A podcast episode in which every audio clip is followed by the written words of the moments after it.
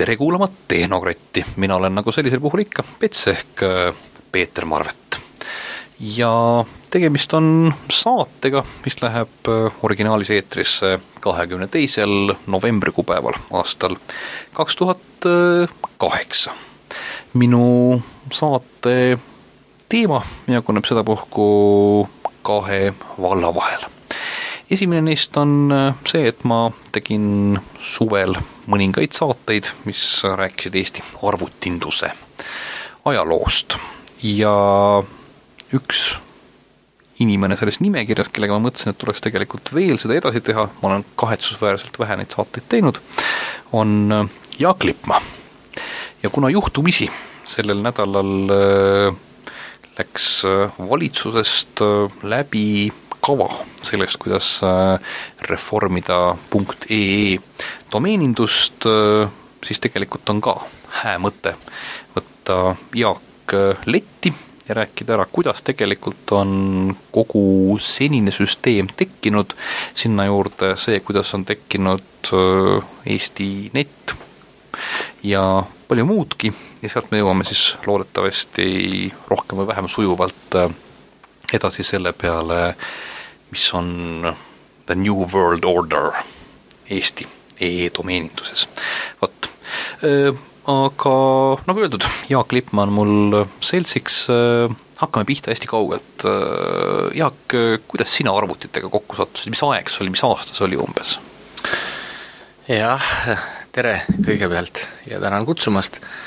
nüüd ja mida me arvutiks nimetame, eks ole, ma, ma mäletan oma esimest kokkupuudet arvutusmasinaga, see oli Rävala puiestee kümne, Rävala puiestee kümme, kus asus KBFi, KBFi labor, kus, kus ma olen käinud umbes, ma arvan, et eh, kaheaastasest peale, aga aeg siis oli üsna, üsna varajane arvutimajanduses ja ma, aga ma mäletan ühte punast kausta, mis oli kuskil riiulis, mille peale oli Nicolet Computer kirjutatud ja, ja see arvuti küll nägi välja selline, kus olid ainult punased tulukesed ühe paneeli peal. Ja seal oli Perfo lindilugeja, mis oli muidugi väiksele poisile, eks ole, hästi põnev asi. ja siis, siis ma mäletan seda, seda ehedat tunnet, kui, kui ma nii palju juba inglise keeles taipasin, et, et ma lugesin, et hoo, et, et siin märgitakse ära niisugune asi nagu computer word. et kas arvutid oskavad rääkida. ja sealt, sealt hakkas see asi nagu arenema aga no see oli, see oli, ma kujutan ette, see oli kuskil kuuekümnendate niisugune lõpp. Järgmine, järgmine hüpe, mida võiks nimetada, oli see, et et ähm, kuskil kaheksakümmend, seitsekümmend, seitsekümmend kaheksa, seitsekümmend üheksa ilmusid välja Inteli mikroprotsessorid. ja nimetame siis, siis esimest neist, mis nagu laia tarbesse läks, läks hästi peale, oli Intel kaheksakümmend, kaheksakümmend viis ja siis, siis ma ehitasin, ma mäletan ülikooli esimesel kursusel, see oli, mis see oli, see oli seitsekümmend üheksa, jah, siis ma ehitasin ise ühe niisuguse väikse displeiga arvuti, nagu hiljem tulid, tulid Casiol ja, ja siis oli ZZZ, mis asi see oli, mis mis oli väike, mida sai koduteleka külge, kus kassettmakiga sai siis laadida programme sinna peale ja, ja kus sai Basicus sai programmeerida mm. -hmm. No, mulle pakkus huvi, ma tegin, tegin oma esimeseks katsetööks, tegin, tegin ühe niisuguse arvuti. aga siis läks asi, areng läks päris kiireks, sest mida sa õppisid muideks? füüsikat mm. -hmm. Et, et hiljem, hiljem jah, tegelesin ülimadalate temperatuuridega ja, ja hästi lühikeste laserimpulssidega. Mhm. aga noh, ega füüsikule on see arvutimajandus on, on hingelähedane ja ja paljud meie, meie siis ametisaladuste teadjad on läinud arvutimajandusse ja füüsikaga enam ammu ei tegele. aga jah, siis, siis, siis õnnestus osta meil, meil esimene mikroarvuti, millel oli siis oma kaheksakümmend korda kakskümmend viis sümbolit display, mustvalge, kaks flopi ketast hiljem lisandus sellele kõvaketas ja korralik printer. ja sellega õnnestus juba teha tekstitöötlust. selle operatsioonisüsteem ei olnud mitte MS-DOS, vaid, vaid oli, oli CPM, Control Program for Microprocessors, Microsoftist ja, MS-DOSist ei teadnud tol ajal keegi mitte midagi. Aga see tuli paar aastat hiljem. mis arvuti see oli? see oli Pertec oli selle valmistaja nimi, see tõenäoliselt ei ütle kellelegi mitte midagi, ja see firma ei elanud ka nii pikalt edasi, et ta oleks noh, kasvanud välja mingisugusteks mikroarvutitootjateks, aga sealt läks see revolutsioon lahti, ühesõnaga sealt läks minu meelest see mikroarvutindus hakkas peale, ta läks massidesse mm. -hmm. mis ja... te tegite selle peal siis, tekstitöötlust? Esimese tekstitöötluse programmi me, me ühe sõbraga laborist äh, lõime sisse heksadetsimoal koodis käsitsi, tippisime selle sisse. see ei olnud väga pikk programm, aga ta võimaldas faile teha, faile salvestada ja kursoriga liikuda mööda faili.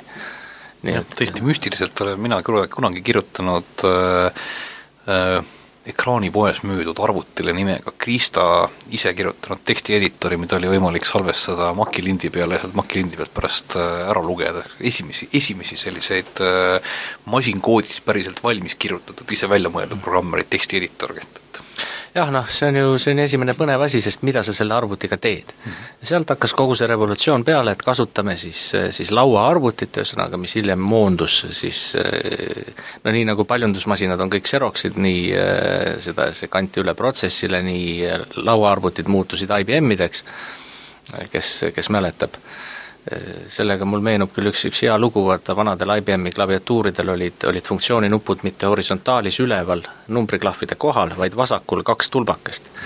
ja siis, siis ma mäletan seda, kuidas siis juba tekkivas internetis ehk Useneti uudisgruppides räägiti siis sellest, et et kolm põlvkonda edasi ja lastel kasvavad, kasvab kuues näpp väikesenäpu kõrvale, millega siis funktsiooniklahve saab vajutada ja ilmselt selle jutu peale siis vahetati see nende nuppude asukoht ära, aga sealt, sealt see tegevus hakkas peale ja, ja ja on olnud, olnud minu elu osa väga suurel määral. palju sa pärast seda tegelesid öö, oma madalate temperatuuride ja lühikeste impulssidega ja palju sa tegelesid sellega, mis võiks olla öelda, et on niisugune füüsikaväline arvutindus? Kuida-, kuida- või kuidas nad omavahel niimoodi mestisid seal? no nad olid ikka koos, me tegime, me tegime siis, siis ma olin Tartus ja me tegime seda, see oli ikka Tartus Füüsika Instituudis ja rohkem oli see ikkagi programmvarustuse tegemine siis ikkagi labori katsete automatiseerimiseks. et see oli ikkagi otsene programmeerimine, noh tol ajal veel C just tuli aga rohkem käis see ikka Fortranis, sest teadus, teadusarvutused ja veel mingil määral tänaseni, eks on Fortran täiesti, täiesti aktsepteeritav tegevus. ja, ja aga, aga see muutuma hakkas, hakkas see asi kaheksakümmend seitse, kaheksakümmend kaheksa. Ja, ja tegelikult kokkupuude minul internetiga, noh tol ajal, tol ajal World Wide Webi veel ei olnud, aga oli selline asi nagu, nagu ähm, Wise ehk Wide Area Information System. ja see asi mõeldi ka välja CERNis Šveitsis, kiirendi laboris.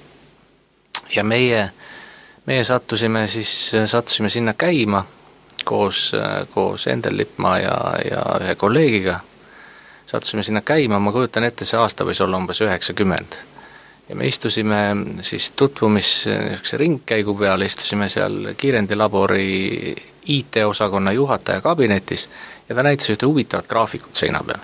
ütles, et noh, tol ajal oli, olid bitnetid olemas, oli TechNet ja neid, neid võrke oli igasuguseid, aga need olid kõik niisugused kinniste protokollidega, mitte juurdepääsetavad, kuhu sisse logimiseks oli noh, vaja mingid meeletud protseduurid teha ega seal väga palju asju, informatsiooni ei liikunud ka. jah, ja seal vist kippusid olema ka selle ligipääsulahendused kippusid olema suhteliselt tasulised, mingisugused imelised, imelikud äh, pakettvõrgud ja midagi jah, no ütleme, kõvasti tasulised. ja, ja, ja, ja no ühesõnaga mingi, mingi kosmiline asi tavainimese jaoks.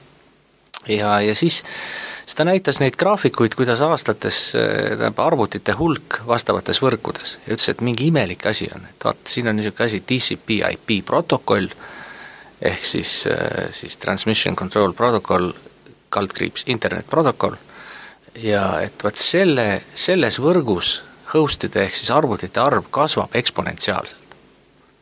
ja miks see nii on, keegi aru ei saa. ja meie vaatasime sellele asjale peale ja tegime ühe väga lihtsa järelduse, seda teed tuleb minna ei ole mõtet endale sisse seada mingisuguseid suuri arvutisaale, igasugust mingit, mingisugust muud tehnoloogiat, läheme pisikeste üksteise vahel TCP/IP protokolliga võrgutatud arvutite peale ja, ja jagame niimoodi informatsiooni ja see on üks mõistlik tegevus. osutus, et väga ontlik mõte oli. kuidas te nagu praktiliselt selle strateegia elluviimist siis ette võtsite, vaatasite, et äh, instituudis oleksid olemas PC-d ja omavahel ühendatud protokollis, äh, üritasite kaugelt ühenduda sellesama TCP IP võrguga, mis, mis see selline see läks jah, sellest, et sellest moodustada internet, internet teadupärast on ju, on ju võrkude kokkuühendamine väiksemate võrkude, siis instituudi sees sai, sai arendatud seda rohkem nii mänguliselt, et noh, katsetame järgi, mis, mis siis saab, eks ole. paneme tõesti mingi koaksiaalkaabliga arvuteid kokku omavahel ja siis vaatame, et kas, mis programme sinna tuleb installeerida ja mismoodi siis teineteise ketta pealt faile saab võtta ja sinna panna ja, ja nii edasi ja, ja siis, siis muidugi siis kuskil, kuskil sel ajal ma kujutan ette, me vist saime kokku või, või ei saanud. võib midagi olla jah, selles mõttes, et see oli kaheksakümmend üheksa midagi sinnakanti ja pakuksin jah. sest, sest huvi hakkas tekkima selle vastu, et aga, aga neid võrke on ju mujal maailmas ka. ja kuidas, kuidas nendega suhelda ja tol ajal, kui sina tegelesid selle Fidonetiga, siis, siis Fido oli, oli märksa laiemini levinud kui, kui internet mida sellisel viisil ju veel ei eksisteerinud, sest e-, protokoll küll oli, kaablid, nii-öelda modemid olid, aga seal peal ei olnud seda content'i mm. -hmm. oli Usenet oli olemas, aga Useneti kasu, Useneti sai ka kasutada üle Fidoneti ja tegelikult tollel ajal oli vist oli see, et, et see klassikalises mõttes see TCP IP, millest meie praegu räägime, interneti Äh, põhiprotokollina, see on just tõesti see selline võrguprotokoll.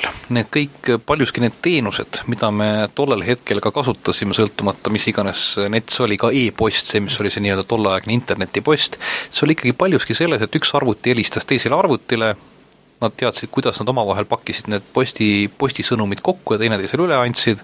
Ja kui see keegi sai kätte, pakkis lahti, vaatas, milline osa oli talle, milline osa tuleks kuhu auku edasi saata, ehk kõik see käis suhteliselt selline siiski nagu arvuti arvutile üle modemivõrgu suhtlusega, see oli veel noh, ma ütlen kusagil sama kaheksakümmend seitse, kaheksakümmend kaheksa, kaheksakümmend üheksa nähtavasti kusagil sealkandis. Just, ehk seda, seda ütleme, ma kujutan ette, et, et laiemale inimkonnale sõna internet hakkas tähendama midagi alles peale tegelikult World Wide Webi ehk siis www äh, leiutamist mm. -hmm. et, et ega, ega enne seda noh, mis see internet, kõik rääkisid TCP, tehnikud rääkisid TCP/IP protokollidest, oma modemitest, oma kaablitest, oma asjadest, eks ole, see, et pordime midagi üle FIDO või laseme üle bitneti või mis, mismoodi me aadresse teeme, eks ole, see oli tehnika küsimus kõik. aga, aga, aga siis, siis selgus, et oo, et ähm, et, et vabas maailmas nii-öelda meie jaoks veel tookord oli, oli väga palju informatsiooni, mis oli väga huvitav. ja kuidas seda kätte saada ja siis vot see on see vana anekdoot, et et, et keegi üritas kuskil internetti välja trükkida. et minuga juhtus, juhtus samalaadne olukord, kui kui, kui ma siis sain teada, et kõige lähem server, kust võiks neid Useneti newsgroup'e lugeda, on funet.fi ehk siis Soome ülikooli arvutivõrgu keskus. ja siis ma mõtlesin, et noh, et täitsa põnev oleks, et mis, mis seal siis on ja, ja lasin endale emailiga saata sealt serverist siis selle uudistegruppide nimekirja. ja selle nimekirja toimetamine Eestisse üle modemi Soomest ta käis veel üle, üle selle Küberneetika Instituudi eh, poolt üles pandud modemi lingi, see email tuli kohale üheksa tundi.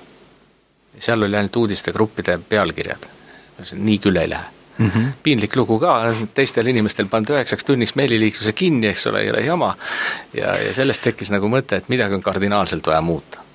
ja, ja see kardinaalne muutus saabus suht ruttu pärast seda, see saabus, see saabus siis, saabus plaan, et ähm, et äh, tähendab, õieti seda algatas äh, üks, üks hää sõber, kelle nimi on Lembit Pirn tema tegeles, tema tegeles ka mingisuguse tööst-, tol ajal juba tööstusettevõtetele mingisuguse, ma ei mäleta, mis selle no autotranspordi logistikakeskus see oli mingi logistikakeskuse juures ta tegi ja tema kaudu tekkis üks kontakt rootslastega satelliidifirmaga Rymdbolaget ehk siis Swedish Space Corporation. Mm. -hmm ja seal oli see mõte ja ma haarasin sellest, sellest mõttest äh, aktiivselt kinni, ähm, käisime Rootsis vaatasime, mis, mis asju seal siis tehakse, mida sellega oleks võimalik ja vaatasime, et tegelikult ei ole väga keeruline panna noh, tolle aja kohta ultrakiire kuuekümne nelja kilobitine ühendus Tallinnasse.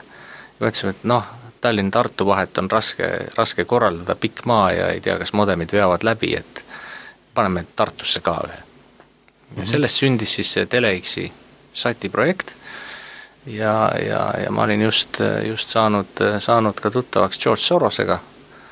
Ja, ja rääkisin, rääkisin siis Sorosele selles mõttes augu pähe, et et vaba maailma kodanikuühiskonna ja kõige selle tekitamiseks on ikka ülitähtis see, et informatsioon liiguks selle vaba maailma ja meie vahel, paneme sellised satelliidiühendused püsti, kas sa raha annad?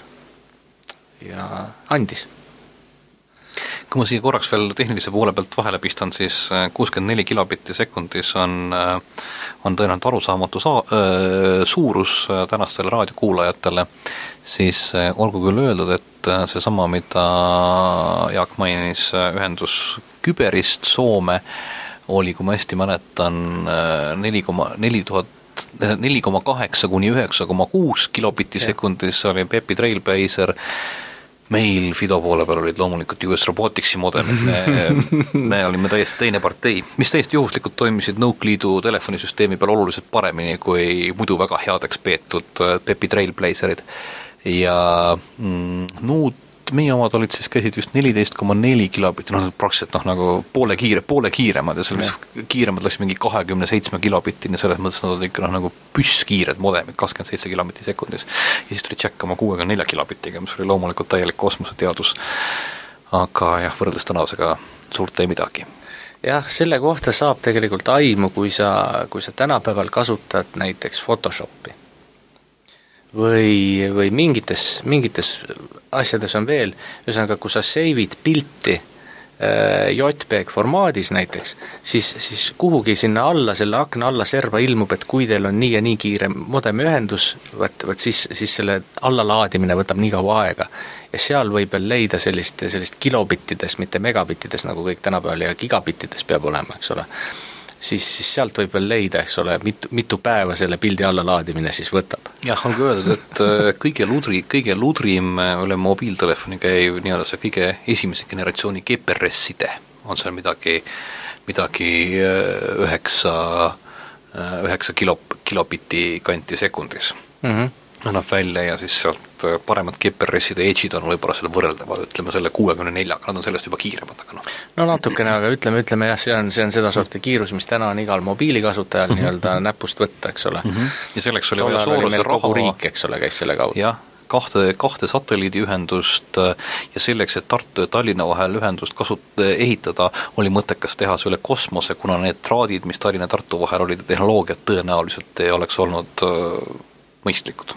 Noh, ta tekkis ja, ja tuleb, tuleb tõele au anda, et, et sellest läks, sellest läks suur sebimine lahti ja, ja sealt see revolutsioon peale hakkas mm. -hmm. ja, ja tegelikult väga hea on, et see hakkas, hakkas peale seoses noh, ütleme sisuliselt samal ajal Eesti Vabariigi taasiseseisvumisega mm, -hmm. mis, mis oli tegelikult oluline, kui me ja, ja tegelikult ei maksa unustada ka ühte pisikest, pisikest tõsiasja, ma mäletan, me saatsime üle selle veel, veel äh, siis Nõukogude Liidu käinud modemiühenduse, saatsime välja ühe emaili petitsiooni äh, siis äh, akadeemilistesse ringkondadesse üle maailma, et meie iseseisvustaotlusi ja püüdlusi toetada mm, -hmm. ja hiljem saime teada, et see meil mitte kuhugi ei jõudnud. ehk juba tol ajal Nõukogude Liit tegelikult üritas tsenseerida sarnast, sarnast tegevust ja, ja kui me selle olime selgeks saanud, siis meil oli teisalt oli selge, et nüüd ei jää peale iseseisva täiesti nii-öelda meie kontrolli all oleva lingi mitte mingit muud võimalust. et mm, -hmm. et sealt ikkagi see niisugune see ütleme, ütleme interneti saabumine Eestisse on, on väga tugevalt ikkagi seotud ka selle taasiseseisvumise protsessiga mm. -hmm. kes nad seda kasutasid või kes seal see seltskond oli, mul on meeles, meeles sellest äh, nii-öelda selle Tele-X-i projekti aegadest mingisugune istumine ümber laua seal teie Rävala mm., Rävala Akadeemia majas, äh, seal oli vist äh, põhiliselt teadusasutused, ega seal vist palju, palju muud ei olnud, keegi ei kasutanudki selle peale selle vaata, muud ei, seal on kaks asja.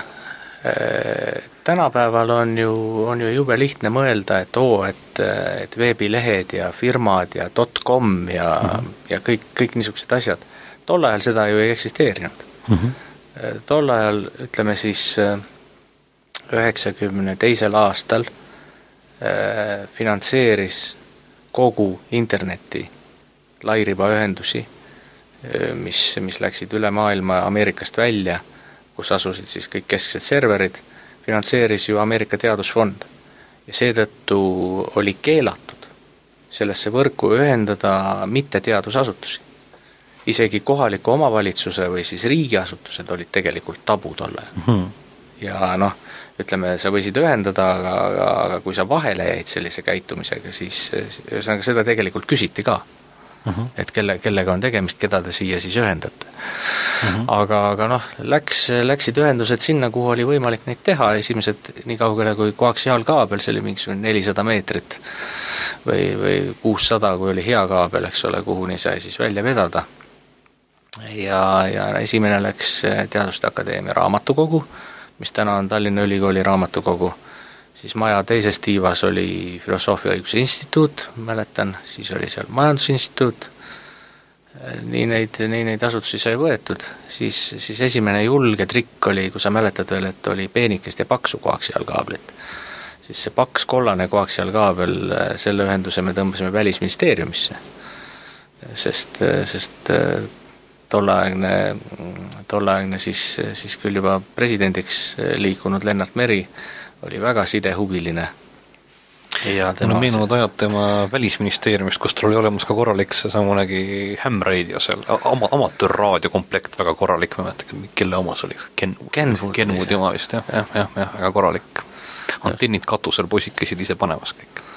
Jah, ja tema, tema niisugune lapselik huvi, mängime teleksiga saadame teleksiga mm, -hmm. saadame teleksiga George Bushile sünnipäevaõnnitluse mm -hmm. Mm -hmm. näiteks ja ja, ja, ja see, aga, aga see oli väga edasiviiv jõud ja, ja noh, ma kujutan ette, et see, et Välisministeerium sai internetiseeritud, oli, oli tegelikult ka ütleme, riigi seisukohalt väga oluline mm. -hmm.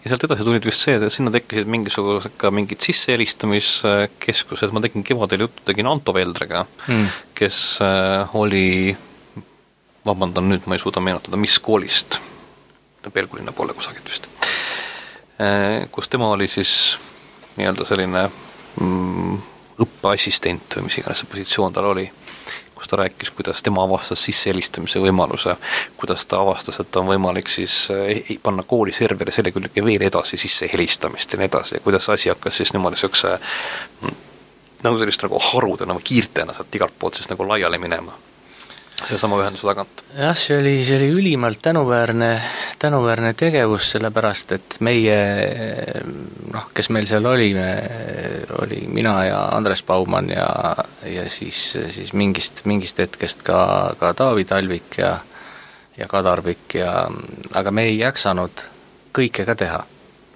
ja, ja Anto tuli sellesse punti, ta, ta sulas, sulas nagu valatult sellesse keskkonda istus pusis ja tegelikult sedamo-, sedamoodi sai ühendatud enamus koolidest väga kiiresti ikkagi juba sellesse meilivahetuse võrku. Ja, ja Useneti gruppe sai lugeda ja, ja, ja sai mingisugust ühistegevust. see oli, see oli see idee, et seda võiks, seda võiks teha, noh, eks seda ideed on mitu inimest kindlasti mõelnud, aga, aga Anne Villems oli, oli üks selle, selle idee propageerija. Ja mina oma üllatuseks, see võis olla aastal üheksakümmend kuus äkki või midagi sellist, ma olin Maailmapanga poolt ja IMF-i poolt korraldatud äh, siis infoühiskonna konverentsil Ameerikas.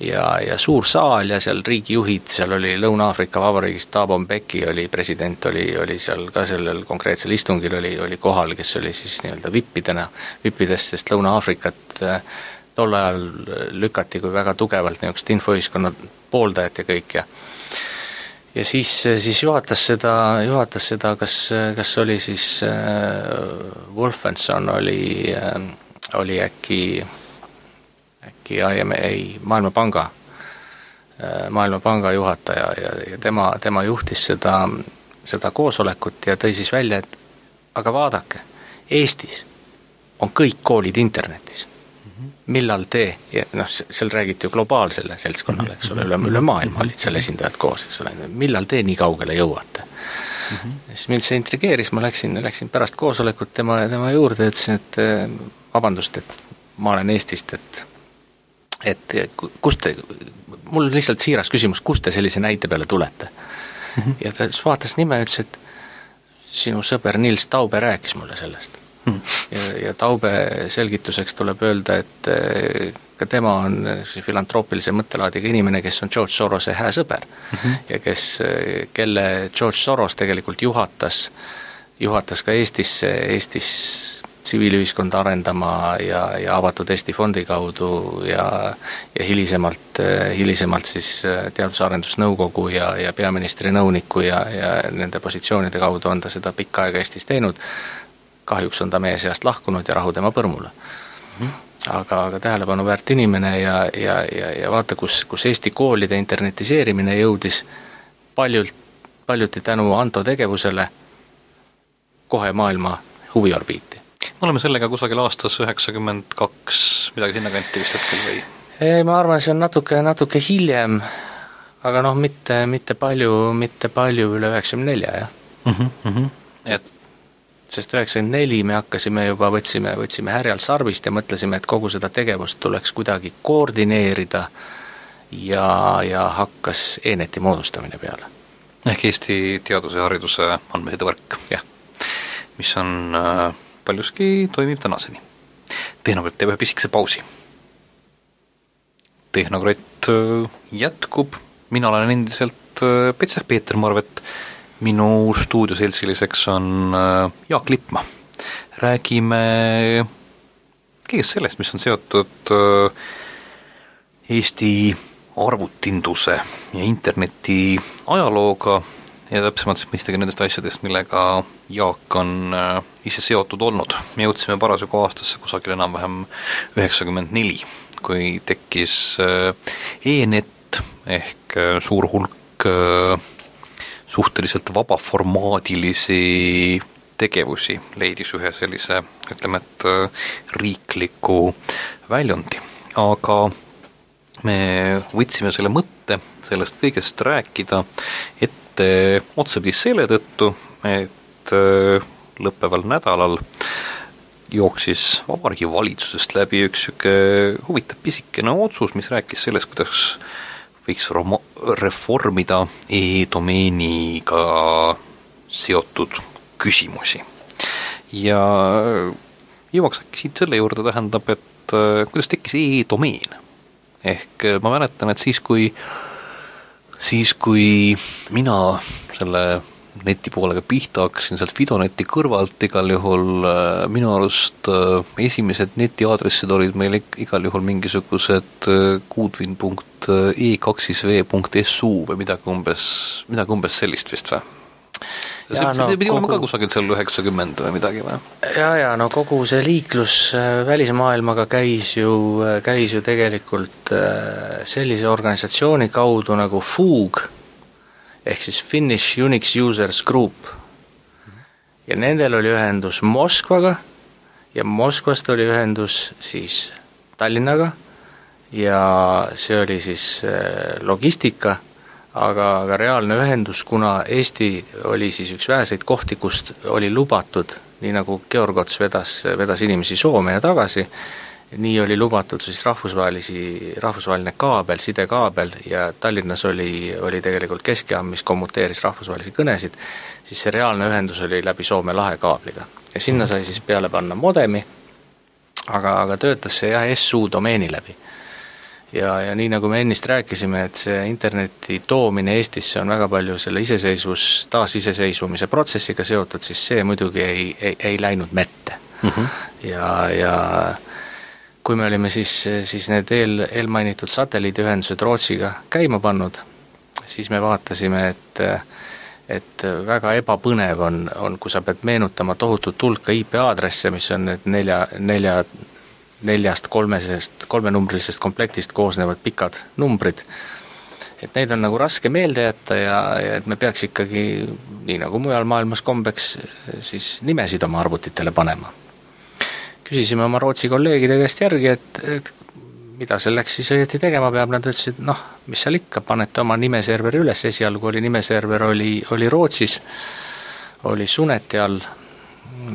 Ja, ja see oli siis Kuninglikus Tehnilises Kõrgkoolis.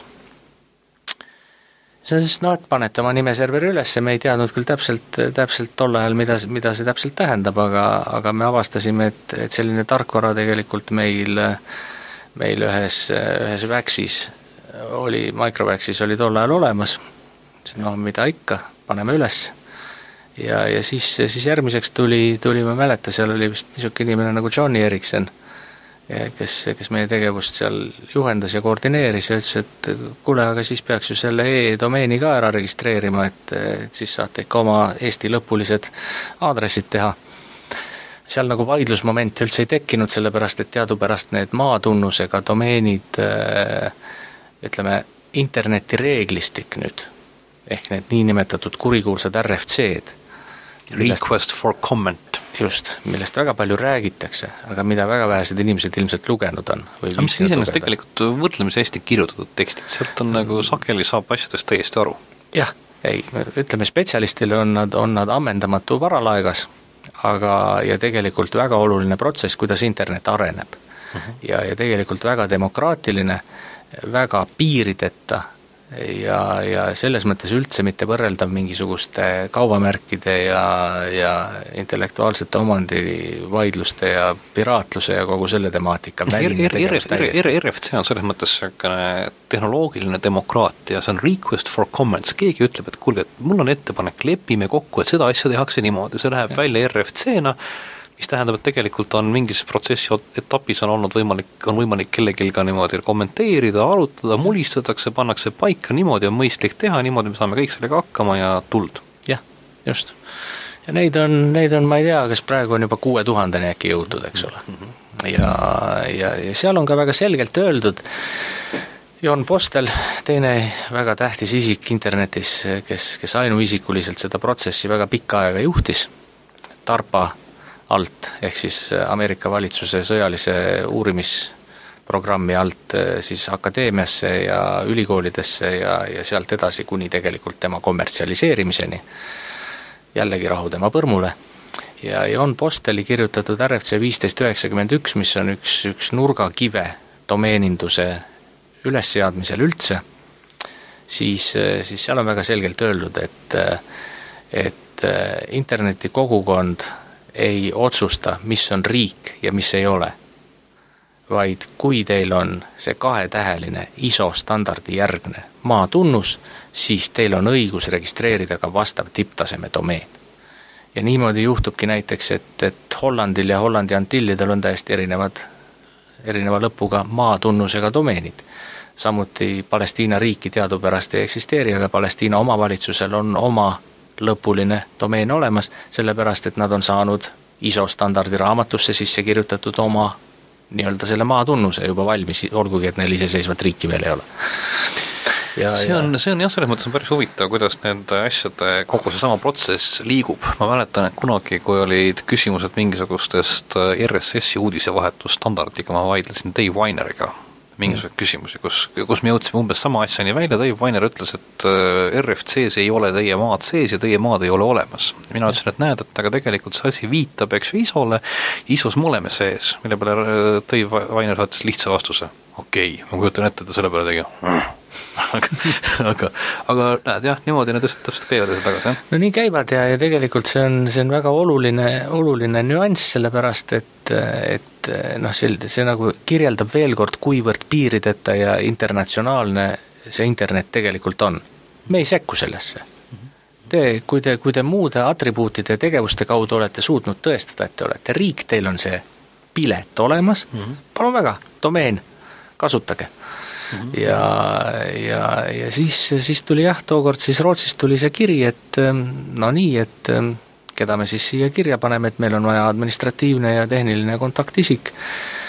ja, ja tol ajal ütleme kuni kuskil kuni kuskil tegelikult üheksakümne kuuenda, üheksakümne viienda aastani, kui hakati Ameerikas äh, internetti reformima, mis muide täna on ju endiselt Ameerika Kaubandusministeeriumi kontrolli all, ühtegi tipptaseme domeeni ei registreerita ilma Ameerika kaubandusministri otsuseta mm. -hmm. nii et tegelikult sa võid, sa võid tahta teha, mida sina tahad, aga ka võtame näiteks EU domeeni mm, -hmm. siis EU domeeni ei saanud mitte kuidagi muud moodi teha, kui tuli saata see vastav taotlus ICANN-i, ICANN edastab selle Kaubandusministeeriumisse ja kui seal on kõik koššer, siis tuleb ka otsus et et, et selles mõttes ilma Ameerika valitsuseta ei saa mitte, mitte kuhugi, eks ole. kui praegusel hetkel nagu needsamused Osseetiad ja Abhaasiad tahaksid saada oma domeeni, siis kui Kaubandusministeeriumile see ei sobi, see variant, siis nad ei saa, eks ju?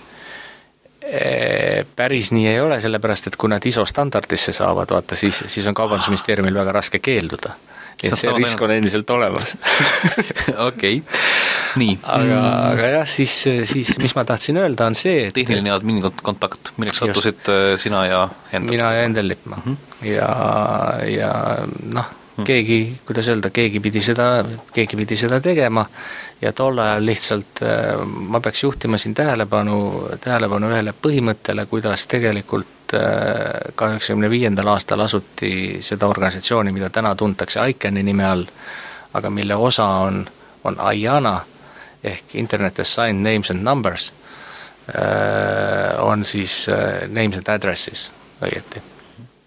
on siis, on siis see, et kui sa oled seal tegev, sa võid tulla küll kuskilt organisatsioonist, aga seal sa esined eraisikuna ja, ja selles mõttes on, äh, siin on, siin on tihtipeale, see on, see on niisugune kontroversiaalne teema ja seda on valesti mõistetud, et tegelikult on, äh, kuna, kuna kogu see protsess on püramidaalne ja selle püramiidi ots on täna, ütleme siis ICANN kui organisatsioon, siis ta liigub sealt alla ja sellepärast on need kontaktisikud, kes siis vastutavad interneti kogukonna ees globaalselt, selle konkreetse tipptaseme domeeni toimetamise eest et, et need on, need on ICANN-i poolt vaadatud inimesed mm, -hmm. mitte Eesti ükskõik mis tahes organisatsiooni poolt vaadatavad isikud.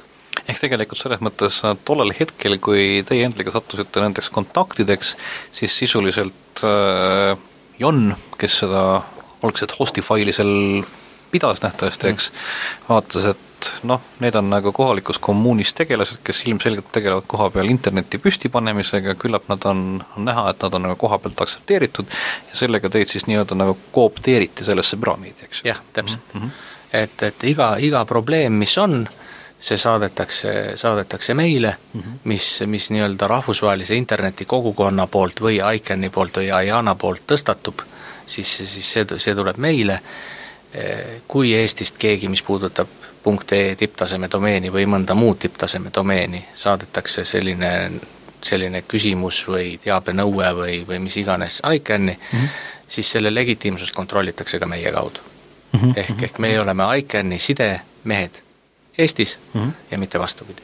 ja kuni, kuni tegelikult äh, ütleme, see suhe eksisteeris kuni kuskil üheksakümne viienda, üheksakümne kuuenda aastani, eksisteeriski isikute vahel kirjutamata lepingutena alles pärast seda, kui tegelikult Ameerika valitsus moodustas, mitte valitsus ei moodustanud, John Postel moodustas sihtasutuse California seaduste alusel, mille ainuasutajaks tema ise oli, ja, ja sai sellele siis Ameerika valitsuse nõusoleku, et see on nüüd see organ, kes edasi hakkab tegelema interneti majandamisega globaalselt, siis äh, siis alles pärast seda hakkasid tekkima juriidiliste isikute vahel lepingud. ehk siis võtame nagu Eurid on täna EU domeeni haldaja, ehk, ehk selle, selle domeeni administraator, siis, siis Euridil on jah, kirjalik leping ICANN-iga.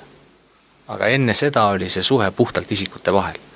ja, ja selles mõttes ta on kandunud, ütleme täna, kuigi on aasta kaks tuhat kaheksa, eks ole, on ta, on ta kandunud eh, tänaseni siia välja, eks ole mm, -hmm. et ähm, et see on, see on selline noh, väike nüanss, aga, aga, aga ta on, ta on tegelikult suhteliselt oluline, ehk, ehk ta näitab, kuidas seda protsessi saab edasi viia mm. -hmm. ja, ja kuidas Eestis, äh, Eestis hakkas pihta, teil oli selle Vaksi peal oli siis nimeserver, te olite saanud äh, selle maataseme äh, domeeni, mis viidati edasi sinna nimeserverisse, hakkasite pidama host'i faili. just. Siis tekkisid modemid siis tekkis võimalus öö, oma nimesid, ühesõnaga tekkis võimalus modemi kaudu mitte lihtsalt meili vahetada, vaid modemi kaudu tekitada ka pakett, võrk erinevate hostide vahel. Ja seetõttu tekkis vajadus siis ka neid domeene tekitada, sest iga organisatsioon, kes siis, kes tol ajal siis kvalifitseerus, tol ajal siis algusaastatel teadusasutused, need siis vajasid oma domeene ja, ja, ja siis, siis nende helistamiste ja, ja e-kirjade peale siis, siis mina või, või Andres Baumann kandsid need siis sinna sellesse tsooni faili. ja mm, -hmm. ja nii, nii see asi, nii see asi arenes. Nüüd selle töö maht kasvas piisavalt suureks, et, et me mõtlesime, et kui me juba e-netti oleme tegemas mille esialgne roll ja funktsioon oli ju koordineerida arendusprojekte teadus- ja haridusasutustes. ehk siis, kui keegi tahtis mingisugust kiiremat äh, pakettvõrgu tehnoloogiat rakendada või, või käisid juba tookord jutud ATM-ist ja, ja, ja ma ei tea, millest veel, eks ole, siis siis kuidas nende finantse juhitakse, aga hiljem ta muutus, muutus ka, lisandus roll, et ta tegelikult ju ütleme, toimis ja toimib ISP-na teadus-haridusasutustele ja, ja me siis, me siis vaatasime, et see töömaht äh, käib juba meil üle jõu, et, äh, et me siis delegeeriks selle, selle ettevõtmise e-netti, kus, kus tema, kus tema ju tehniliselt tänaseni ikkagi resideerub. seetõttu ka kõik domeeni taotlused lähevad, lähevad e-netile ja kui on siis, kui on siis mingisuguseid küsimusi, erandeid, millest on palju räägitud, nende pluss- ja miinuspooltest, eks ole, mille miinuspooli on tänaseks kahetsusväärselt rohkem tekkinud mm, -hmm. siis, siis need küsimused edastatakse minule ja Endel Lippmaale mm. -hmm. mis võttes arvesse kindlasti erandite hulk on muutunud ka suhteliselt suureks erandite hulga, era-, erandite küsimise hulgaks nähtavasti või?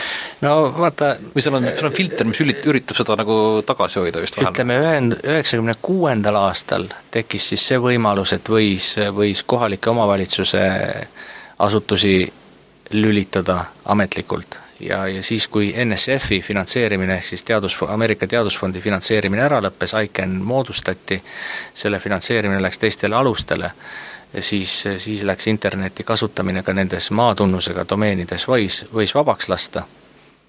ja, ja pärast seda, pärast seda hakkas, hakkas internet siis kasvama, aga, aga ütleme, veel kahe tuhande esimesel aastal, mis ajast pärineb viimane redaktsioon nendest domeeni registreerimise reeglitest, siis oli, kui ma õieti mäletan, domeene umbes kuus tuhat. Mhm. praegu on neid kuuskümmend tuhat Mhm. -huh. Nüüd äh, võib-olla ma peaks, peaks siinkohal tuletama headele kuulajatele meelde, et äh, et palju on olnud kriitikat sellest, et no mis jutt see on, et üks domeen ühele isikule ja eraisikut üldse ei saa registreerida ja, ja, ja millest see kõik on tulnud. see on tulnud väga lihtsast põhjusest, tulles tagasi selle koolide internetiseerimise juurde, et, et nendel algusaegadel ei olnud raha mitte väga palju, kulutada siis, siis domeeniregistrite peale ja kui, kui sellel algusaegadel oleks, oleks läinud see niisuguseks puhtalt kaubandusliku tegevuse peale, siis, siis ma võin kihla vedada, et internet ei oleks arenenud sellise kiirusega ja laienenud sellise kiirusega üle Eesti, nagu ta tänaseks on läinud. et sel ajal oli see, oli see vajalik ja, ja, ja see oli siis tehtud eesmärgiga selline reegel, kuna registreerimine on ka tasuta uh. Mhm.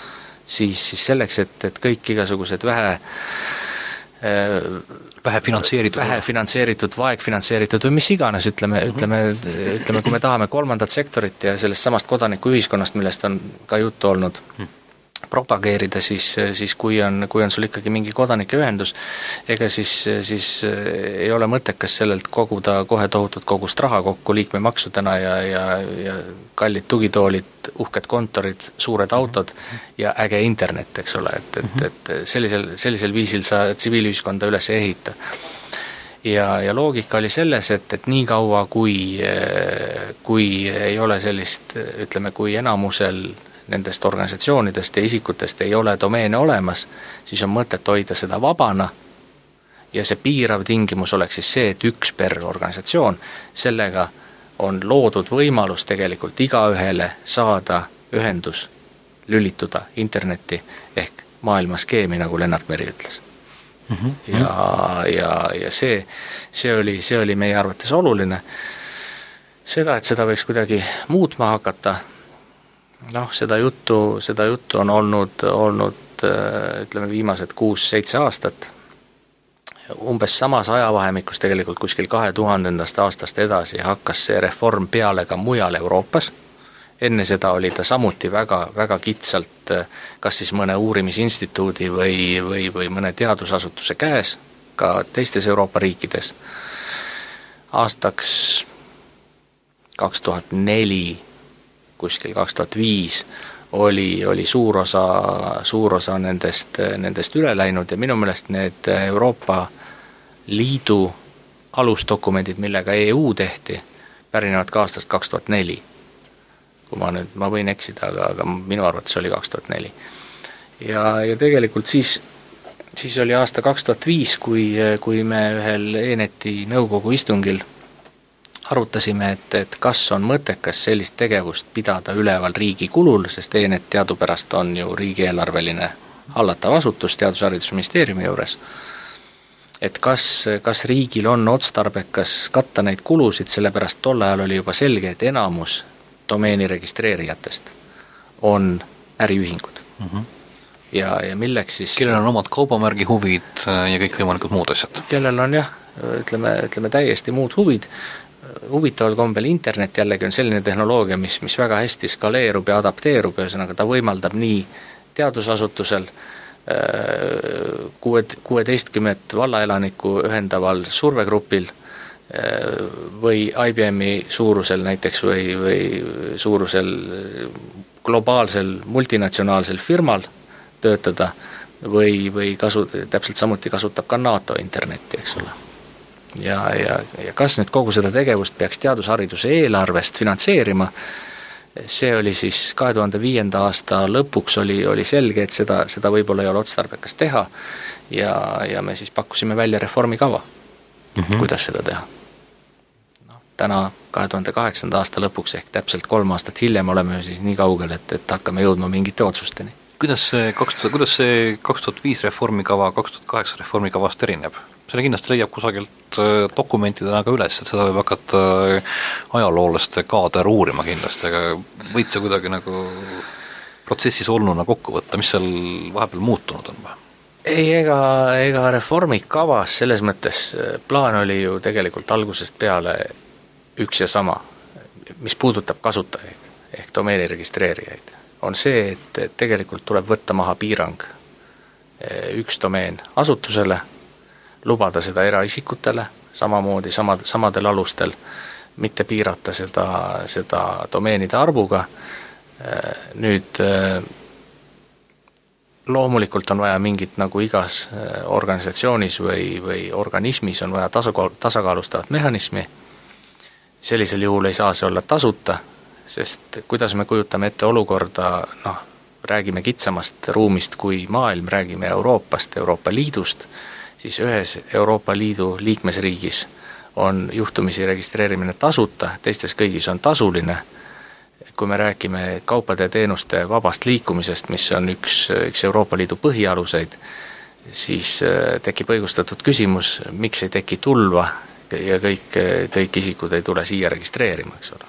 noh, neid lugusid äh, ka isegi tasulist äh, tasuliste domeenide registreerimise üle ehitatavatest businessidest on meil piisavalt, meenub mulle juhuslikult, et üks sellega seotud firma võitis eelmise aasta Äripäeva IT-topi ja selle aasta Äripäeva IT-topi ajaks oli vist firma juht, äh, me, ma vabandan, kui ma eksin, ma ütlen, et ta on nagu äh, süüdi mõistetud, vist on, minu arust vist riigi, Riigikohus ei võtnud menetlusse, nii et võime, võime öelda, et mõningad tema krediitkaardipettused osutusid tõendatuteks, lisaks sellele on kinni, kinni pandud mõningad temaga seotud firmad, muuhulgas Esthosts ja, ja nii edasi, mis tegelesid väga huvitavate äh, ärimudelitega domeeninimenduse vallas ja, ja, host imise vallas, mis lõppesid tõenäoliselt, lõppesid põhiliselt pahavara levitamisega. jah no et... selle, selle,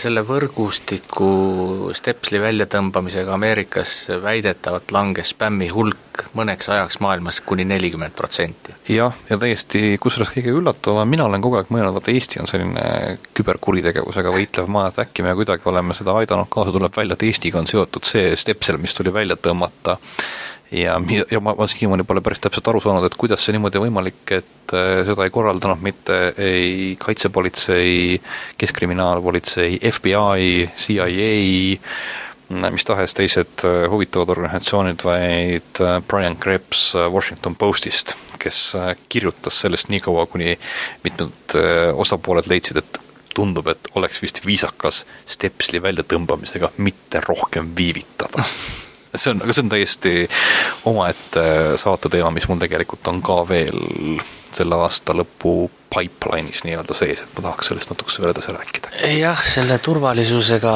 tegelikult on, on, lisandub ka üks teine asi, et, et muidugi me peame oma imagoloogiat äh, oluliselt parandama, sellepärast et äh, kui ütleme siis kümme aastat tagasi me olime sellised äh, progressiivsed, meil on koolid internetis, me hoolitseme oma laste tuleviku eest, eks ole, kõige, kõige ehedamas mõttes, eks ole mm, -hmm. siis, siis praegu oli, oli, kui möödunud aasta olid, olid aprillikuus need, need küberrünnakud, siis, siis vahetult enne seda ma sattusin lugema ühte diskussiooni thread'i, kus, kus arutati IPv6-le üleminekut ja IPv6 turvaauke ja, ja Network Solutions, mis on, mis on üks, kuidas öelda, vanemaid ja suuremaid ja tõsisemaid tegijaid interneti arendamises ja kellele üks, üksiti ka frantsiisiga anti, anti siis, siis kogu, kogu kom domeeni näiteks registreerimisõigused, siis selle, selle, selle üks, üks siis juhtidest kommenteeris mingis blogis, et, et nojah, et, et iga kolmesaja dollarise Linuxi boksiga Eesti koolipoiss oskab seda turvaauku kasutada miks langeb kõikidest riikidest ja territooriumitest, mida maailmas on, on palju, kus, kus igasuguseid küberkurjategijaid leidub, miks langes temast Rumeenia, Rumeenia, vampiirid oleks palju parem, palju parem. Öelgu Põhja-Korea, eks ole, või öelgu, öelgu Hiina või, või midagi, midagi muud sarnast, aga, aga ei, ta ütleb Eesti, eks ole, et järelikult kuskil on midagi viltu läinud, mis, mis on meie tegemata töö tegelikult. Noh, neid asju ma arvan, et me võiksime teha eraldi saatesarja sellest, et äh, ja neid saatesarju tegelikult ka on tõenäoliselt meil siin erinevaid, kus nendest rohkem räägitakse. Aga, aga tuleme tagasi reformikava juurde äkki või? just. mis see järelikult, mis, mis, mis see tolleaegne nägemus oli või mis oli teie nägemus, et mis on tegelikult see, mille alusel seda asja annaks muuta või? et, et nägemus, nägemus tegelikult reegli, ütleme kasutajate perspektiivist vaadatuna ei olegi ju tegelikult väga palju muutunud mis, mis on nüüd täpsustunud, on see, et, et tuleb, tuleb meil sisse viia täpselt samasugune kord, nagu on maailmas laialt levinud, et selle domeenide registreerimisega ei tegele mitte üks asutus, kelle poole sa pead pöörduma, vaid sisuliselt inimene ju kasutab, ütleme, et tuleme selle juurde tagasi, mis on domeen.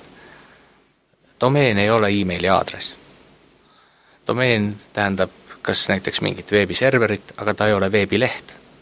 -hmm. domeen tähendab tegelikult ikkagi aadress-translatsiooni ehk, ehk sinu äh, noh, nii-öelda postiindeksi ja, ja, ja tänava aadressi vahelist seost sisuliselt, millega sa saad teha väga paljusid muid teenuseid. ja, ja, ja seetõttu ütleme, nende teenuste pakkujad ehk internetiteenuse pakkujad on ju niikuinii mängus sees nüüd tekib küsimus, et, et kui ma oma internetiühenduse võtan ISP käest, on selleks siis kes iganes firma Eestis, ja domeeni pean registreerima kellegi teise juures, et see ei ole mõttekas. noh, tegelikult praktiliselt ma niikuinii hetkel kui mul oli Microlinki ühendus ja mul oli vaja sealt metroo, metroo taga näiteks ja mul mm. oli vaja, siis ma kirjutasin neile ja nemad Just. tegelikult paljuski korraldasid selle asja ära. et reaalne olukord kasutaja jaoks oli niikuinii selline ja, ja, ja nüüd ütleme, ütleme siis nii, et, et paljud nendest ka võtsid tasu selle eest, hoolimata sellest, et domeeni registreerimine e-netis on tasuta ja, ja noh, toimiski selline usu, igasugune admin tegevus maksab selles mõttes, kunagi rääkisin ühe kontorikaupmehega, kes ütles, et noh, vaata arve kirjutamine maksab, ma võtsin siin kulud välja, mis meil müügi, müügikulud on, jagasin arvet numbriga, tuli välja, et ühe arve väljakirjutamine maksab kolmkümmend krooni, eks ju. noh, igal asjal on tegelikult oma hind, eks ju, kas seda keegi maksab kinni või see kusagilt subsideeritakse. ja, ja, ja, ja juhiksin tähelepanu ka ühele teisele paralleelile tegelikult, mida võib siin tõmmata, et, et kui, kui me domeeni eriti seda e-tippdomeeni peame ka teatud mõttes niisuguseks äh, rahvuslikuks äh, noh, identifikaatoriks või tunnuseks, täpselt samuti on meie tunnuseks meie lipp, meie pass, meie ID-kaart ja nii edasi, ja tegelikult iga selle asja eest me maksame. Lähed vahetad passi, sa maksad selle eest, lähed võtad ID-kaardi, sa maksad selle eest, ja ostad poest lipu, mille sa lipupäeval pead masti tõmbama, eks ole. jah, vaata see on, vaata see on küll, seal on, need on nagu niisugused äh, reaalsed asjad, virtuaalsete asjade eest meile ei meeldi nii väga, väga maksta, mul on oluliselt lihtsam see film sealt BitTorrentist alla tõmmata, jah noh, nii võib ka öelda, eks ole, aga, aga praegu me räägime ikkagi sellest asjast, mis peab olema ametlik, mis peab mm. olema turvaline, mis peab, mille majandamine peab olema läbipaistev ja, ja, ja kuhu ma tahan jõuda, on see, et tegelikult kuna äh, interneti kasutamiseks. Pead sa ühel või teisel kombel suhestuma mõne internetiteenuse pakkujaga, kui sa lihtsalt ei taha nii-öelda riiulisse osta domeeni, aga mm -hmm. milleks sul seda vaja on ja maksta selle eest siis veel seda enam midagi. nii, see on täiesti see on täiesti ärimudel veel, nii et see on omaette, aga okei okay,. see on, see on ärimudel, see, see on peenem, peenem äh, pilotaaž, eks ole mm. -hmm. aga see selleks. ja, ja nüüd, äh, nüüd siis äh, tuleb siis see olukord, mis on praegu välja pakutud, on siis selline, et on selline keskregister, kasutame sama terminoloogiat, mis EU domeenis, on register, on regist-, registripidajad ehk siis ISP-d, kes siis vahendavad seda teenust ja kes võivad oma ärimudeleid teha, nad võivad seda anda inimestele tasuta, nad võivad seda anda väikse tasu eest, kuidas iganes nemad teevad, nemad maksavad ühe taksi sellele keskregistrile, mis tõenäoliselt suur, sõltub kuidagi nende suurusest või domeenide hulgast või millest? ma kohe ütlen, millest see okay, sõltub. ja, ja siis, ja kasutajad, ehk siis registreerijad, kes registreerivad domeene enda tarbeks, nemad siis suhtlevad otse nende ISP-dega. nüüd, äh, nüüd kui me räägime selle tasu suurusest, siis me peame tagasi tulema RFC viisteist üheksakümmend üks äh, ehk nurgakivi juurde ja vaatame, mis sinna peale on kirjutatud. sinna on kirjutatud siis nii, domeenide registreerimine on reeglina tasuta tegevus, selle eest võib, selle registri pidamise eest võib tasu võtta, kuid selle tasu tasu eest saadavate vahendite eest tohib üksnes ülal pidada sedasama registrit. ehk tegelikult seal on sätestatud selle, selle nii-öelda organisatsiooni vormi mittetulunduslikkus, seal on täiesti selge, et, et tohib kasutada üksnes selle asja jaoks, ei tohi keegi sealt ei dividendi ega mingil muul viisil hüvesid saada. Ja seetõttu ei saa teda ärimudelina teha. Ja, ja teine asi on see, et äh, et see tegelikult dikteerib ka selle, et see peab olema läbipaistev organisatsioon, mis tegeleb tõesti ainult selle asjaga.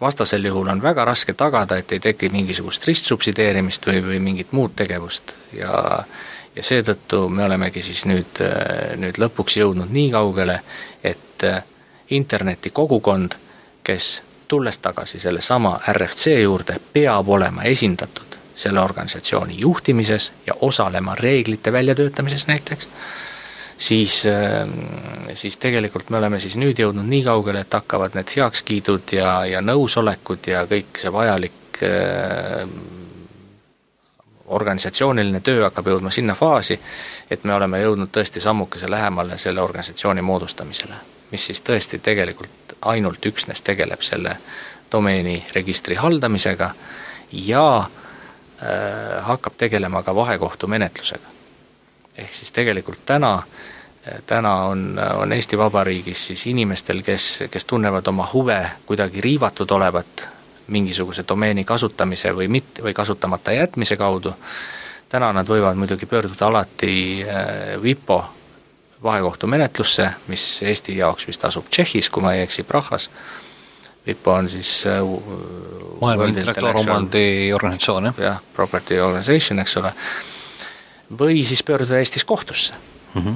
aga kohtuveskid jahvatavad meil teadupärast aeglaselt ja selles mõttes kahju, mis võib tekkida siis, siis mm -hmm. domeeni väärkasutusest, eriti kaubandustegevuses, võib juba kujuneda tohutu suureks selle aja jooksul, kui see kohtumenetlus kestab mm. -hmm. ja seetõttu on ja teisalt selle vajadus tekib ka siis, kui, kui me näeme, et neid, ütleme, domeene vajatakse väga palju rohkem, nende hulk plahvatuslikult kasvab, see on ka täiesti selge, et kasvab ka nende vaidluste hulk mõistagi, selleks on vaja jah, mingisugust äh, motiveeritud seltskonda, kes sellega tegeleks mm,.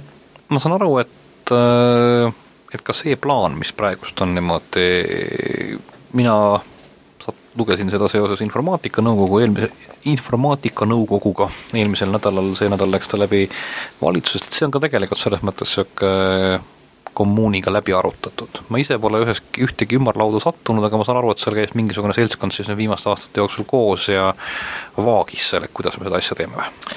no aastate jooksul võib-olla ei ole viimane niisugune tõsisem, tõsisem ponnistus, kui, kui räägid ikkagi ühe ja teisega, eks ole, ja, ja ütleme, minu äh, minu töölaud füüsiliselt ei ole nii suur enam, et, et ta mahutaks, mahutaks kõikide nende igasuguste erandite, taotluste, soovide ja minu telefon ei ole nii võimekas, et ta suudaks nii mitut kümmet kõnet korraga pidada, rääkimata, et mul on ainult üks suu ja kaks kõrva. Mm, -hmm. siis, siis, siis rääkides ühe ja teisega, et kas me võiks selle reformiga nüüd ikkagi edasi minna, siis äh, Äh, siis lihtsalt äh, õnnestus see asi ajada sellesse, sellesse väravasse, et, et Majandus-Kommunikatsiooniministeerium lülitus protsessi, mis on, mis on väga tänuväärt samm, sest, sest internet ei ole enam ammu puhtalt akadeemiline nähtus. ja, ja kuulub nagu sidevaldkond üldiselt meie valitsuskorralduses Majandus-Kommunikatsiooniministeeriumi valitsemisalasse ja, ja siis moodustati üks ühistöörühm, kus, kus olid siis suuremate ISP-de esindajad, ITL-i esindajad, mis, mis, mis on ju ütleme siis niisugune surveorganisatsioon või NGO klassikaline, mis siis informatsioonitehnoloogia lobigrupp. lobigrupp, jah NGO-na ma mõistan veidikene teistsuguseid organisatsioone. no seal on teisi ka, eks ole, see on, see on üldisem, ütleme, ta on lobigrupp, eks ole, kes, kes esindab äh, ikkagi infotehnoloogia ettevõtete huve, siis oli seal nendest organisatsioonidest nagu Zone Media näiteks, kes ei ole ITL-i liikmed mm, -hmm. inimesi olid ministeeriumitest inimesed, äh, inimesed koos, suhteliselt niisugune suur, kuid veel hallatav töörühm mm, -hmm. kes käis koos ja arutas siis põhiliselt seda organisatsiooni vormi mm. -hmm. sest kui me kahe tuhande viiendal aastal oli suhteliselt selge, mida reeglitega teha, aga nüüd edasi, et, et mis siis, kes siis seda tegema hakkab, kuidas seda tehakse, kuidas üleminekuperiood saab toimuma, kuidas, milline organisatsioon sellega tegeleb, kuidas on tagatud interneti kogukonna osalus selles protsessis, kõik muud asjad, see noh, väga mitmetel põhjustel on võtnud lihtsalt aega mitu aastat ja see on kahetsusväärne mm. -hmm. et äh, aga, aga täna me oleme sealt see selles mõttes asi loksutati läbi, see dokument, mida mina lugesin, oli ka veel mitmete variantidega, kus toodi välja selles mõttes ettekujutus, et kuidas seda võiks nii või naa teha, eks ju. et järelikult see on läbi arutatud. see, mis nüüd siis tegelikult öö, äh, selle alusel tõenäoliselt saama hakkab, on siis, ma saan aru, see, et äh, tekib öö, mittetulunduslikku vormi juriidiline kehand sihtasutus? jah, sihtasutus saab olema tema konkreetne formaat, selle asutavad Majandus- ja Kommunikatsiooniministeerium ja ITL ehk Eesti Infotehnoloogia Liit mm,. Samas ma saan aru, et äh, selle äh, organisatsiooni selline juhtorgan saab olema tegelikult laiemapõhjalisem vist või? jah, neid, nende paberite ettevalmistamine praegu käib ja ja see asi teeb ühe ringi valitsuses veel mm, -hmm, mm -hmm. kus siis, kus siis antakse konkreetsed äh, volitused äh, valitsuse esindajatele, ehk siis majandus-kommunikatsiooniministrile suure tõenäosusega, selle, selle sihtasutuse asutamiseks ja need tulevad siis selle, selle põhikirja, põhikirja ja muude dokum-, asutamisdokumentidega siis, siis pannakse see asi paika. -hmm. aga, aga selge on see, et et ei saa sellele asjale ICANNist, Ameerikast nõusolekut, kui ei ole veenvalt ette näidata, kuidas Eesti internetikogukond osaleb selle ettevõtmise juhtimises mm -hmm.. okei okay., äh, ehk siis see pannakse kokku, sealt tekib see kogu selline nõuandev organ või see noh, juhtorgan, mm, siis läbi sinu ja Endli läheb see ICAN-i juurde, kuna sina oled ja. meie sideohvitser selles küsimuses või te, te olete meie side, sideohvitserideks äh,, äh, nemad annavad nõusoleku. mis siis juhtub, siis äh, tegelikult tekivad ka uued sideisikud äh,, ICAN korraldab valimised Eestis, kes taha, kes tahavad äh, saada või mis, mis, mis, mis, mis, mis teist saab või? ei, ma arvan, et, ma arvan, et äh, ICAN-i seisukohalt äh, see see variant, mille, mille me siis välja pakume, saab olema selline, et selleks, selleks kontaktiks saab ikkagi olemagi seesama sihtasutus mm. -hmm. sihtasutus just selles mõttes, sihtasutus on kitsam variant mittetulundusühingust, tema, temal on siht, mille asutajad paika panevad ja antud juhul need asutajad on siis jagatud riigi ja, ja ITL-i vahel, kes noh, riik on ju täpselt samamoodi tegelikult internetikogukonna osa mm -hmm. ja ja seda sihti ei saa muuta mm, -hmm. ilma et oleks konsensus asutajate vahel. ehk siis, ehk siis nii selle siis eraõigusliku kogukonna kui, kui riigi, mis on ka väga oluline osa internetist ja mis, mis tarbib nii, nii oma funktsioneerimiseks Eestis eriti, eks ole, kui me räägime e-ID kaartidest ja, ja e-valimistest ja tõsi küll, tõsi küll, klassikalisel juhul, kui me seda NGO versiooni käsitleme lobiorganisatsioonina, siis teine on esimese poolt mõjutatav, eks ju, et või, või et esimese roll on sageli teise sellist äh, äh, liikumistrajektoori muuta või? no ütleme siis niimoodi ütleb paranoiline pool minus. paranoiline pool on, on alati väga tervislik, selles mõttes, et suurtest maailmaskeemidest arusaamiseks peab parasjagu paranoiat ka olema.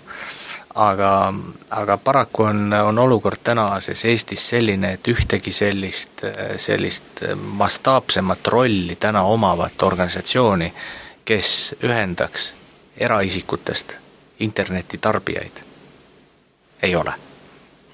Ja kunagi oli meil plaanis teha tarkvarakasutajate selts vastandiks BSA-le, äh, aga näed, sinna see plaan on ka jäänud.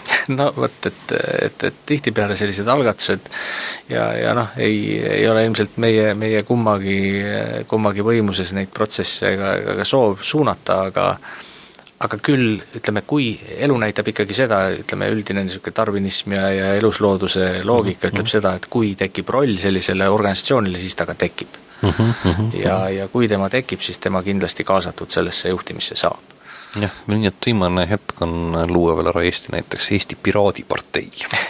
Ja. ja paluda ennast kaasata äh, mitme osapoolse sihtasutuse äh, loojate hulka, tõsi küll, selle käigus tuleb tõenäoliselt tõestada, et Piraadiparteil on ka piisavalt, äh, piisavalt liikmeid. kuule, kuidas see asi praktiliselt siis on, okei okay,, selle, selle läbi läheb, muutub sellest ka selleks liaisoniks, muutub lõpuks siis äh, sihtasutus, sihtasutus, kes sellega tegeleb, kuidas see siis praktiliselt välja hakkab nägema? korraldatakse trikoovoor, kus erinevad teenusepakkujad kandideerivad võimalusele osaleda frantsiisiprojektis, nemad saavad võimaluse äh, eda-, edasi kaubandada domeeninimesid, nemad mingisugusel põhimõttel jagavad omavahel ära siis kogu selle sihtasutusega seotud kulud ja kuidas nemad selle kodanikelt äh, ja äh, nii füüsilistelt kui juriidilistelt isikutelt sisse kasseerivad, on juba sügavalt nende äriplaani küsimus, kas nad mobiilioperaatorite kombel jagavad tasuta mobiiltelefone ja küsivad pärast rohkem raha või teevad vastupidi, eks ju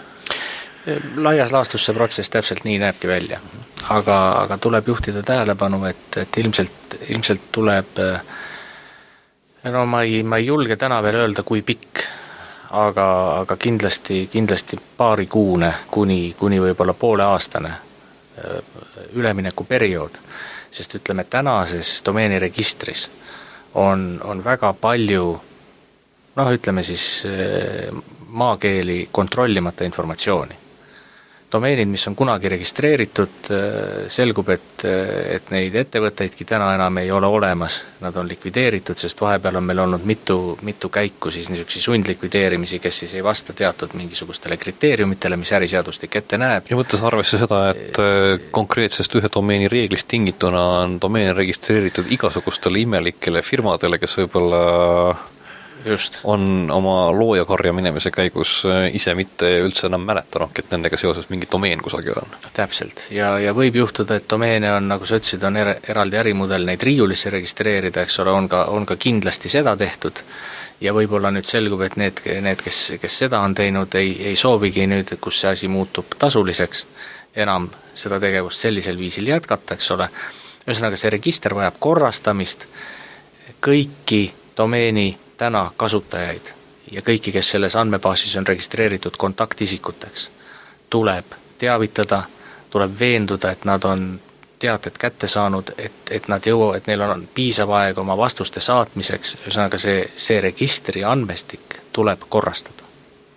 see saab olema üks, üks, üks raske, raske ja keeruline ja väga aeganõudev ja, ja töömahukas protsess. ehk kujutame ette, et kui minul on domeen mingisugune XYZ, XYZ on küll tegelikult Ponto Veldre domeen, aga okei. Okay..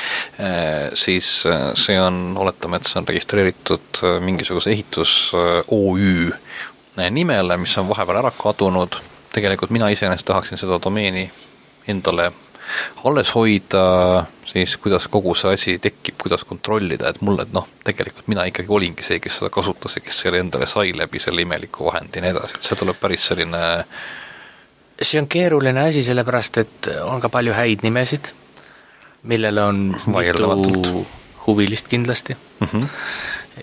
Nüüd, nüüd selles mõttes on, on, on siin paar, paar nüanssi, detaili. esiteks ma tahaks öelda seda, et, et kõik need, kes on igasugu nii-öelda erandina taotlenud praegu lisadomeene need taotlused, olgugi et me ei ole nüüd neid, neid kaks kuud rahuldanud selleks, et, et vältida tõsist, tõsist sõda ja lahingut intellektuaalse omandi röövide ja, ja, ja, ja muude pahategude soodustamiseks, siis need püsivad selles registris ikkagi. ütleme, internetis põhinimede jaotamise reegel first come, first served, ehk nagu juristid ütleksid, eelis ajas annab eelise õiguses seda printsiipi järgitakse endiselt. kõik need taotlused on ajatembeldatatud, nad on registris olemas, seda, seda esiteks. teiseks, õnneks jällegi on sattunud nii, et internetireeglistik ütleb, et, et domeen on aktiivne mitte siis, kui tema, teda registreerinud isik tingimata mingisuguseid toiminguid teeb, vaid kui tema nimeserverid on pädevad, nad annavad korrektse vastuse selle päringutele selle domeeni kohta ja kontaktisikud on kättesaadavad. ehk tegelikult see, mida meie Endel-Lippmaaga teeme internet, globaalse interneti kogukonna jaoks, tegelikult delegeerub, vabandust, alla, alla välja iga individuaalse domeeni kasutajani.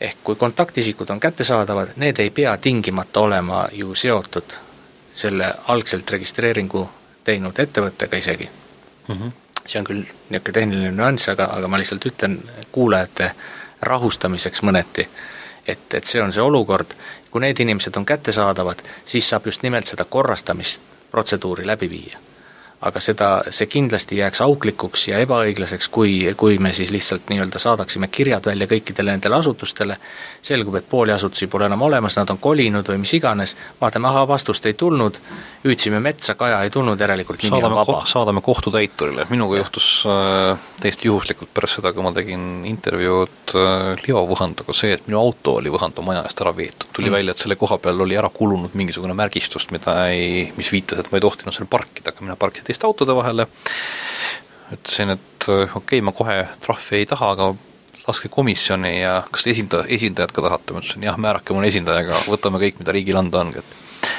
Ja järgmine kord, kui ma antud protsessist kuulsin, oli nüüd paar päeva tagasi, kui minuni jõudis kohtutäituri nõue, et mul on trahv maksmata. jah, ja, ja arestib su vara ja jah, järgmise asjana arestitakse vara, viiakse auto uuesti parklasse, et ja no ma tõesti ei tea, miks nad pole minuga siiamaani ühendust võtnud mind ei kutsuta ei, ei komisjoni ega mitte midagi, selles mõttes, et äh, see on täiesti teine teema, ma saan aru, et teie üritate vaadata, et niimoodi ei juhtuks. me üritame kindlasti seda teha niimoodi, et seda ei juhtu ja, ja see ongi see, et, et peab olema piisav aeg selleks, et sa saaksid sellist mhm. teavituskampaaniat teha, et, et äh, massimeedia kaudu see informatsioon jõuaks kõigini, et, et ka nendel, kes reaalselt mingisuguseid domeene kasutavad, tekiks võimalus see informatsioon meieni toimetada selleks tuleb teavitada täpselt, mis need kontaktid on, kuhu, kuhu see informatsioon koguda, kõik, kõik nii edasi, eks ole, see kas see, kas see protseduuristik on teil ka kusagil juba paigas või tekib see nii-öelda siis läbi selle sihtasutuse või on mingisugune mustand olemas, sest et jällegi selles papris, mida mina lugesin, vist seal nagu nii detailidesse selle asjaga ei mindud, seal oli kogu see üldisem küsimus, eks ju? ütleme nii, see mustand oli mingil määral olemas juba kaks tuhat viis.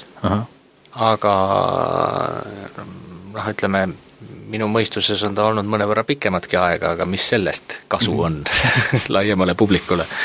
et, et lihtsalt küsimus on täna selles, et, et tuleb, tuleb täpselt paika panna ikkagi ennekõike see asutus, mis on selleks tehtud ja jääb selleks mitte, et me nüüd korjame seda informatsiooni, hakkame koguma mingisse ühte asutusse, pärast võivad tulla veel mingisugused muudatused, mingid asjad, eks ole, ja kellelgi ei ole tegelikult kindlust, kellega ma nüüd siis suhtlen et see peab meie, meie arvates peab see olema kõigepealt paigas, kui see on paigas, siis lähme edasi mm. -hmm. ja, ja siis, siis tuleb, tuleb niisugune noh, ütleme piisava põhjalikkusega teavituskampaania, kus siis need kontaktid ja, ja see protseduur täpselt, täpselt teatavaks tehakse ja kõigil on võimalus siis sellele reageerida äh, asjakohasel moel, eks ole.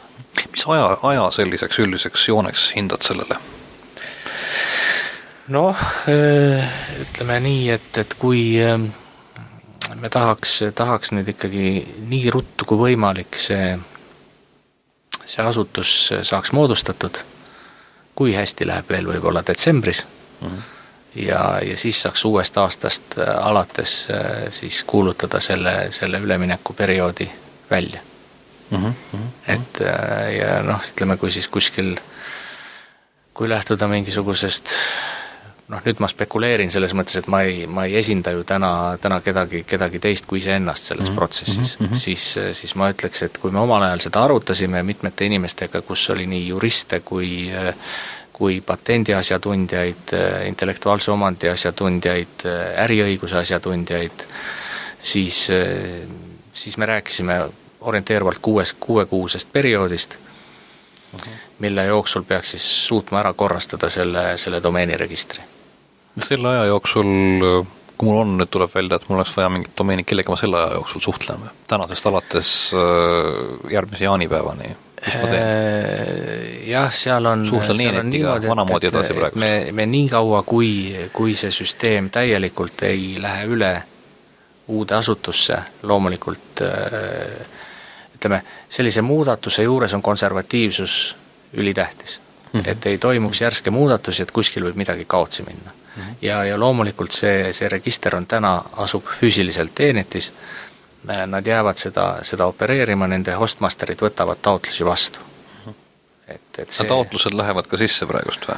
taotlused lähevad praegu sisse, jah seda lähevad nagu rakenduvad, sa rääkisid mingitest ajatembeldatatud äh, tahtmistest. täna ju, kui sa saadad, saadad mm, -hmm. saadad siis lisadomeeni taotluse, siis mm, -hmm. siis see võetakse vastu, see ajatembeldatakse, arhiveeritakse, sellest okay. jõuab, jõuab märkus minu mailbox'i ja, ja mm -hmm. niipea, kui on okay, see jah. edasine protseduur nüüd selgeks saanud, asutus on olemas, siis, siis me, siis me otsustame siis täpselt ära selle korra, kuidas see üleminek hakkab toimuma, sest tulles tagasi üks samm meie vestluses selle kohta, et mida siis ISP-d, seal vahel need internetiteenuse pakkujad hakkavad tegema, siis plaan on see, et see keskregister muutub täiesti automaatseks.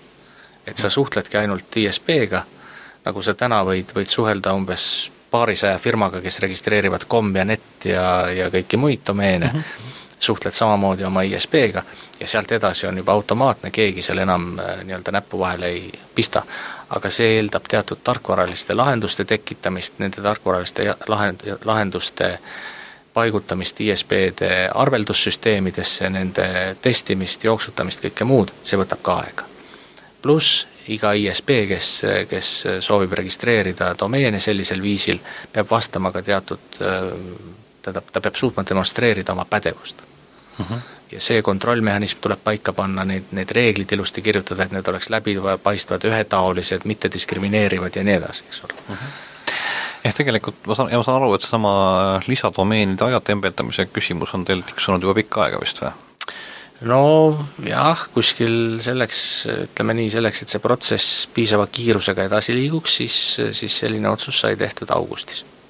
ahah okei okay., ehk hetkel selles mõttes äh, nii-öelda need, mis on need küsimused olnud EU domeeniga, needsamusedki sunrise period ja nii edasi, see tegelikult selles mõttes Eestis käib, et kui mulle, kui mulle tundub, et äh, mulle kuluksid ühtlasi ära veel ka domeenid always ja all days, siis äh, oleks nagu tarvilik sellega seoses taotlus sisse panna, ma tean, et ma ennem, kuni uus süsteem käima läheb, neid nagu kindlasti ei saa, aga mul oleks vähemasti prioriteet oleks nimekirjas kirjas nende teiste asjadega, mida ma tahaksin no ütleme, ütleme nii, et kui me võtame need internetireeglid, reeglid ette, siis, siis domeeni taotlejal tegelikult on, on kohustus äh, tõendada, et temal ja just nimelt temal on õigus seda nime, mida ta taotleb, mhm. kasutada mm. -hmm. ja, ja selles mõttes see sunrise periood äh, tuleb, tuleb ka veel defineeritult selle üleminekuperioodi raames ja me siis avaldame täpselt need,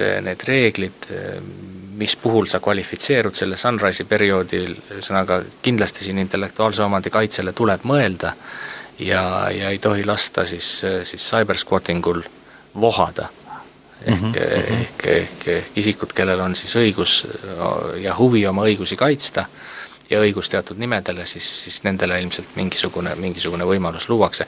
kuidas see täpselt sünnib, ma täna ei hakkaks spekuleerima. aga meil on äh, kuulajate hulgas äh, kaks erinevat kaubamärki maaletoojat, siis võib olla hea mõte ja mõlemad on legaalsed, siis võib olla mõlemal hea mõte panna vähemasti taotlused sisse, võib vist enam-vähem niimoodi vihjata ma ei tahaks seda kuidagi kommenteerida. Jack ei kommenteeri seda. selle koha peal tõmbab Tehnokratt äh, otsad äh, kokku, meie jutuvada läks oluliselt pikemaks kui alguses äh, planeeritud, millisel kujul see saade täpselt, millistes juppides eetrisse jõuab, selgub pärast seda, kui ma olen seda arvutis monteerima hakanud, aga see versioon, mida te hetkel kuulsite, on siis igal juhul meie asja kõiki aspekte vaagiv podcasti versioon. mina olin nagu sellisel puhul ikka Pets ehk Peeter Marvet, minu saateseltsiliseks oli Jaak Lippmaa. Ja nagu aru saada, rääkisime otsapidi internet, Eesti interneti ajaloost ja paljuski ka sellest, mis on EE domeeni ajalugu ja lähitulevik. aitäh kuulamast, Tehnokratt on teiega järjekordselt järgmisel nädalal samal ajal samas kohas, kus iganes see koht ka parasjagu ei oleks. Lehv-lehv!